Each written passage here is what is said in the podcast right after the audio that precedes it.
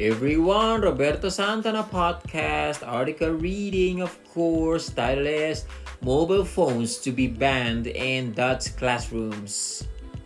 Mobile phones can be very distracting when you're trying to focus on something. That's why the Dutch government is banning them in classrooms, at least. The government has announced that from January 1st, 2024, students will not be allowed to use their mobile phones, tablets, and smartwatches in classrooms unless they are needed for the lesson or for medical reasons.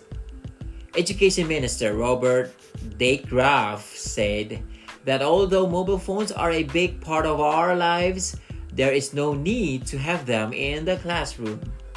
Schools will be given until the summer of 2024 to introduce the rules. The Netherlands is not the first country to introduce a ban like this. In 2018, France banned mobile phones from schools for children between 3 and 15 years of age. And China introduced a similar ban in 2021. Several studies have looked at the impact of technology on students' concentration.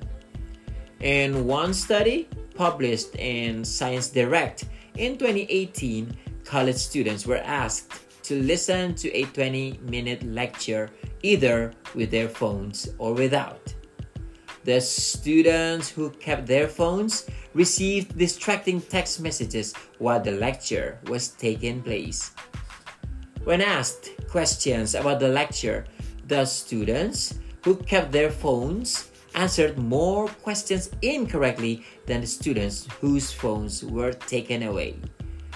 And a different study from the University of Chicago found that phones can reduce how much information our brains take in just by being present, even if they're placed face down or turned off. Wow. Thank you so much for everyone for listening. I'll see you again. I'll see you around. Stay healthy, stay safe, stay happy. Bye bye.